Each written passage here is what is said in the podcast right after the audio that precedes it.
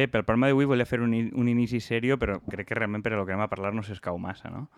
S'escau, és que vull dir l'esperit de la paella russa posseint-te ara mateix en damunt de la taula, o sigui, com pot ser tan seriós per una xorrada tan gran que anem a discutir avui? Home, bé, bé, usar correctament l'idioma no és ser excessivament serio ni quarentó, que és de lo que ens No, no, però està és que- acusant implícitament. No, però és també el tono que utilitzes. És com, anem a parlar d'una cosa. O sigui, dir, eixa seducció intel·lectual que vols fer a la nostra audiència, jo no sé si, si va funcionar també. Però bueno, continua, continua. Et deixe presentar. Bé, avui no podem esperar una, una recomanació super sesuda, no sé si és una paraula molt, molt, ni molt correcta ni molt, ni molt funcional per lo que estava dient, que és un producte al que hem arribat els dos d'una forma molt peregrina, que és lo que hi ha dalt de tot en Netflix un dia qualsevol d'estiu.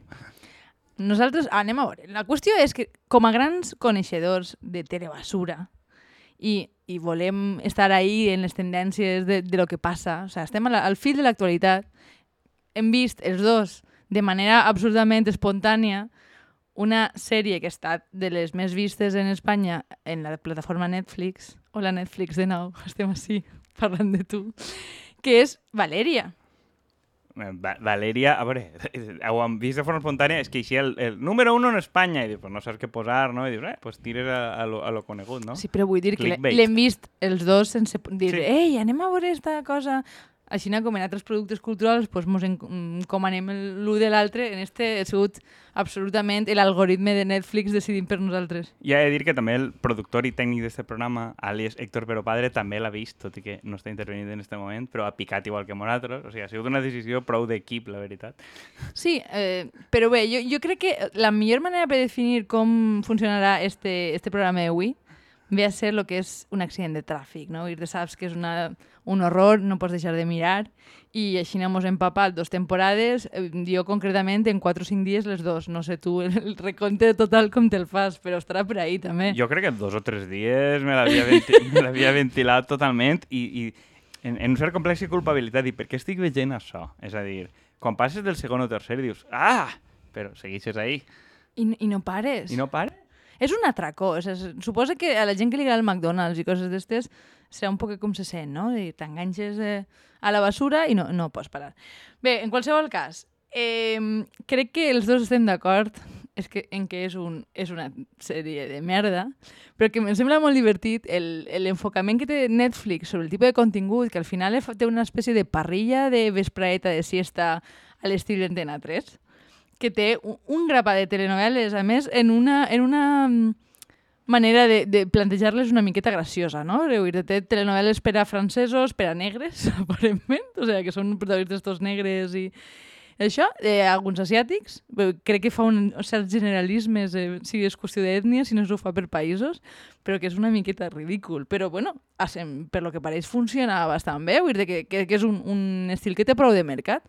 A veure, jo crec que la idea de que una plataforma d'aquestes només ha de tindre contingut eh, de perfil elitista, no? És a dir, si al final Netflix o una d'aquestos vol substituir a la tele en la pràctica, que és el que fa, doncs ha d'oferir una miqueta el que ja funciona a la tele i té sentit, no? I al final això és el mateix, un perfil de comèdia romàntica per a espanyols, en el mateix tipus de criteri i el que ells identifiquen que funciona com a romans a Espanya, no? Però a més fa el mateix en els realities, o sigui, el, el número de realities que ofereix Netflix s'ha multiplicat moltíssim, vull dir, al final són, no vaig enganyar-me ni a mi ni a, ni a la nostra audiència, és, és el contingut que jo més consumís perquè normalment mai mire la tele única i exclusivament, sempre estic fent altres coses, que sóc una senyora molt ocupada, senyora de mi casa. I per tant no pots perdre el temps. No, i, i este tema, pues, clar, era un poquet un èxit assegurat, no? Perquè això ja és una sèrie de, de, de novel·les d'una una escriptora que de fet és valenciana, és de Gandia, que es diu Elisabet Benavent, que fa pues, coses d'estes tipus romàntic que funciona, no? Per a, entenc que enfocat a dones i tal, de, de, de, de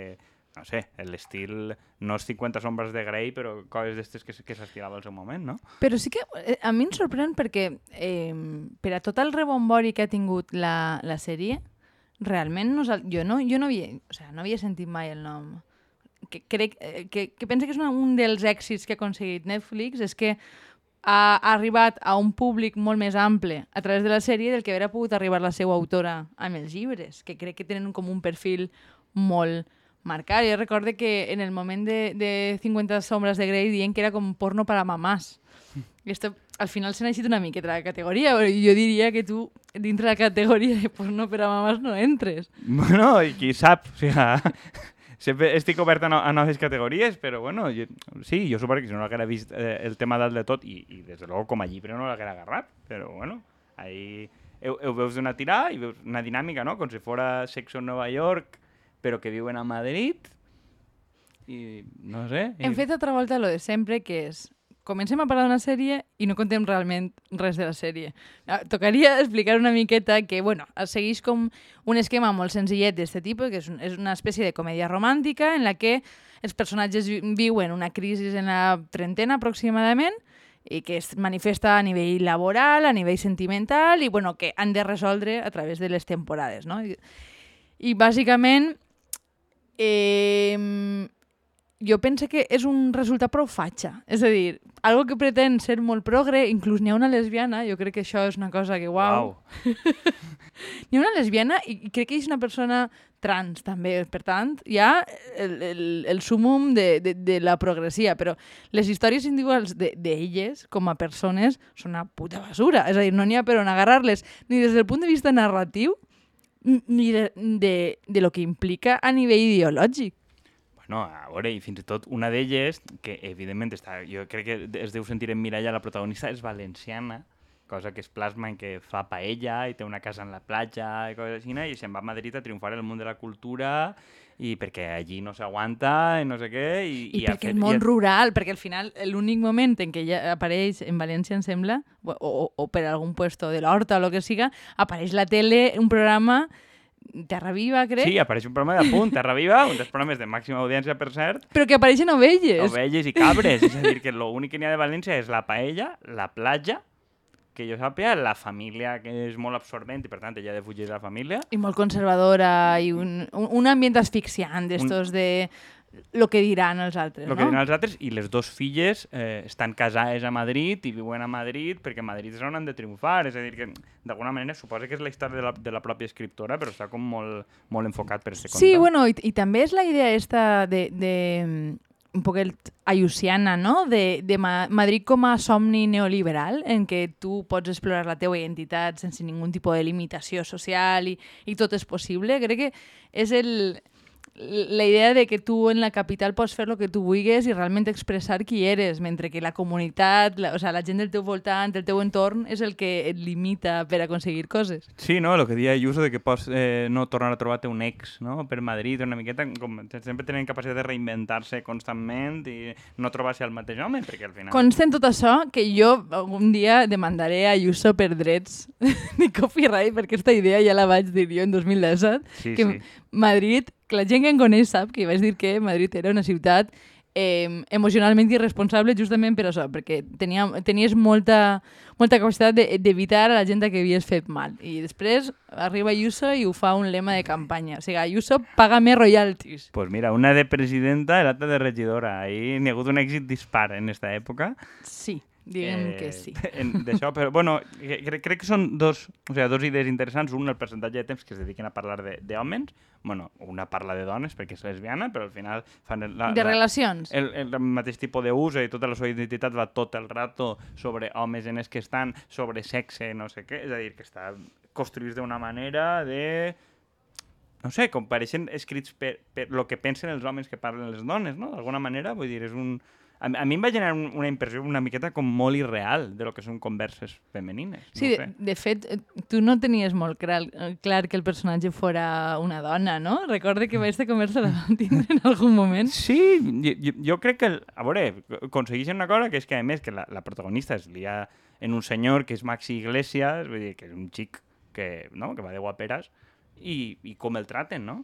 A mi és que em, em va semblar molt divertit la, la idea que era una espècie de, de reverso de homes, o sigui, dones escrites per homes, no? És a dir, tu tens un, un no és que les dones en aquesta sèrie estiguen super treballades, perquè, bueno, eh, com hem dit al principi, és una sèrie molt mediocre, que enganxa molt, però que, bueno, la, la, la mediocritat també es disputa a nivell de diversitat, no? Però crec que els personatges masculins només existeixen en tant que se'ls follen, però el, el, el personatge principal, que és Maxi Iglesias, l'únic que saps és que té molts diners, que li agraden molt les dones i que va a moltes reunions, però no tens absolutament res.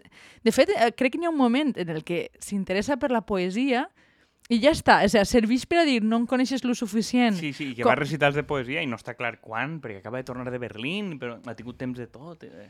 També és un senyor po- enigmàtic. És no? un, eh, o sea, l'enigmàtic és que no té ningun tipus de profunditat. Entenc que això és el que es seduís. Després està un altre, que és un loser, un loser que no saps exactament massa bé, o sea, més enllà de que ella el canvia i aconsegueix que es faci un home adult, no, no, diu molt, és a dir, que viu amb sa mare, és dir, son pare no apareix, això que crec que vas comentar tu. És, és, un, és un personatge que té una relació amb sa mare que és un poquet incestuosa, que no sap posar una lloc. És a dir, crec que és l'epítome de, de, del, del personatge cutre masculí i després, bueno, eh, està l'altre que està casat i que té una aventura. Vull realment és que són, són personatges que, que no tenen ningun tipus de valor. És, són figurants, o sea, perquè tenen polla i poco más. I les xiques, bueno, en el cas de la lesbiana, les xiques igual, no, no tenen ningun tipus... O sea, se'n va de viatge en una senyora i l'únic que saps és que la odia. Ah, bueno, no sé si teniu algun interès de que no fem spoilers, però això no va passar, perquè si no, com collons parles d'una sèrie... Això, bueno, com a metadebat està bé, però... sí, Pues és igual, o sigui, en realitat, jo què sé, anem, a poder parlar de les coses. A veure, crec que el, el tema relacional ho ocupa tot i lo que no, eh, d'alguna manera, que para algo están a Madrid, que és la tierra de les oportunitats de los sueños, és que van a triomfar laboralment, a més, en, en unes coses molt acotades, no? O, sea, una és advocat i després monta eventos, l'altra treballa en màrqueting, l'altra és traductora i l'altra és escriptora. És a dir, tot capital cultural, ultra aspiracional, i van omplir-se tot a través de, de, de, la, de la feina. Vull dir que, que també està molt esbiaixat. Sí, bueno, i a més és que el, el plantejament de que són persones precàries, és que no hi ha per on agarrar-la, perquè si tu veus els pisos en els que viuen... No, crec que, o sigui, crec que pre- pretén ser una sèrie generacional que, que mostra determinades problemàtiques, però bueno, eh, té uns diàlegs que són absurdíssims. De fet, parlant de, del tem- tornant al tema de les relacions, hi ha un moment en el que estan parlant, en el primer capítol de la segona temporada, estan parlant de que, ai, és que sempre estem parlant de tios, i després se'n van a comprar-se un gofre d'estos en forma de polla, i l'escena és graciosa, però després no canvia en absolut el funcionament. És a dir, ah, sabem que va d'això, però me la pela. és el centre de la sèrie, com anem a canviar això? Sí, jo crec que fins i tot es burren una miqueta i, i, i després eh, crec que això és un tema, no? El, tip, el tipus de pisos en què viuen, encara que n'hi ha alguna, alguna trameta de segon, l'habitatge està car, no? Vull dir, una certa sensibilitat social d'una que viu en un pis cutre. Sí, però eixa mateixa xica després se'n va a un pis en el nòvio que, que costa una barbaritat i ho diuen, no recorde, però és com en el primer capítol o segon apareixes com en una espècie de casa de 20 metres quadrats i després ja, de repente t'han fet un ascens perquè eres tan exitosa laboralment que ja pots anar-te'n a un pis que costa entre dues persones 2.000 pavos. bueno, no sé si són 2.000 pavos, però per ahí està la cosa. Però dic, és que no, és que no s'ho ha currat gens. O sigui, senyora, quina mandra has tingut en el disseny de les... Bueno, perquè, per, perquè jo suposo... No? A més, la, la, la metatrama és que la, la, la protagonista escriu una novel·la sobre la seva sexualitat, o sigui, on parla tot el rato de lo que folla, o sigui, i, i molt poc autobiogràfic, no? Diguem, els altres temes no li importen massa i la relació que té el món, el món editorial, que jo, jo penso que eh, està un, una miqueta agarrat en pinces. Per lo menos, eh, bueno, eh, eh, està tan agarrat en pinces que tu t'autopubliques i sense pràcticament... Cam o sea, campanya de publicitat en redes. No sé si recordes... Eh, què va ser? Eh, una frase que a, una, a la publicista le, li excita i, i que inicia un d'això eròtic que és dime lo que más me gusta, posicionamiento SEO. O sea, jo ahí anava per terra. El tema és que totes aquestes coses que semblen tan irreals i que fan que la sèrie siga tan insostenible des d'un punt de vista narratiu, crec que són el que mos tenen enganxades a la, a la pantalla. Justament tornant a la metàfora esta de l'accident de tràfic, és molt difícil parar quan sents aquestes tonteries. Jo, jo no podia, o sigui, no podia parar de riure i per tant volia, volia més. I, i les definicions que fan, no? La, la gent que aspira a treballar per això en màrqueting, en no sé què, un, unes escenes d'una agència de màrqueting que és com si fos un poquet Mad, Mad Men, no? Una miqueta... Jo és que també el tema este, dic, no, no sé si estem mandant per la realitat o pretenen dir algo realment en tot este tema o, o igual s'estan prenent, no s'estan prenent en sèrio. No tinc ni idea. No, no tinc ni idea, però és que tampoc crec que sigui important. És que al final ha aconseguit el que dos, dos temporades, producte més vist en la cadena en tot l'estat, pues, esa basura vende. No, i la metàfora és que al final ella té èxit escrivint sobre el sexe i ja està, i tots, i tots l'accepten, no? I ja està, s'ha acabat. Ja pot tornar, o sea, van els seus pares que s'atraganten una miqueta en la però accepten que ha tingut l'èxit, i, no? Com que d'alguna manera al final... L'èxit ho valida tot. Exactament, la moralina és que l'èxit laboral i de parelles i de no sé quant, de totes elles, bueno, després alguna sí que li fan com una espècie de trama, de reencontre familiar, però que no acaba d'encaixar massa bé en tot això. Que tampoc saps molt bé el que ha passat. Vull dir que és com, ai, esta xica eh, folla molt perquè no està bé. Sí, no està bé, efectivament. No està bé i entonces acabes entenent que, clar, ella o sea, no pot follar, follar per divertir, eh, per divertir-se perquè, perquè això demostra que estàs danyada. Entonces, al final, òbviament, això és l'argument. Eh, això és un altre tema, no? Vull dir, la, la promiscuitat d'una dels protagonistes és problemàtica, la lesbiana quan té diverses parelles és problemàtica, està vivint una mala vida, és a dir... Però és el que deia al, al, a l'inici, és que pense que totes les trames relacionals que tenen aquestes persones són superconservadores, en el fons. Eh, I el tema de o sea, el tema de les aventures, com plantegen el tema de les aventures, el sexe en si, el tipus de, de coses que els posen, és a dir, el, el, el personatge principal, home, en un moment diu que, que el que li posa de Valeria és que és una tipa insegura, vull dir això...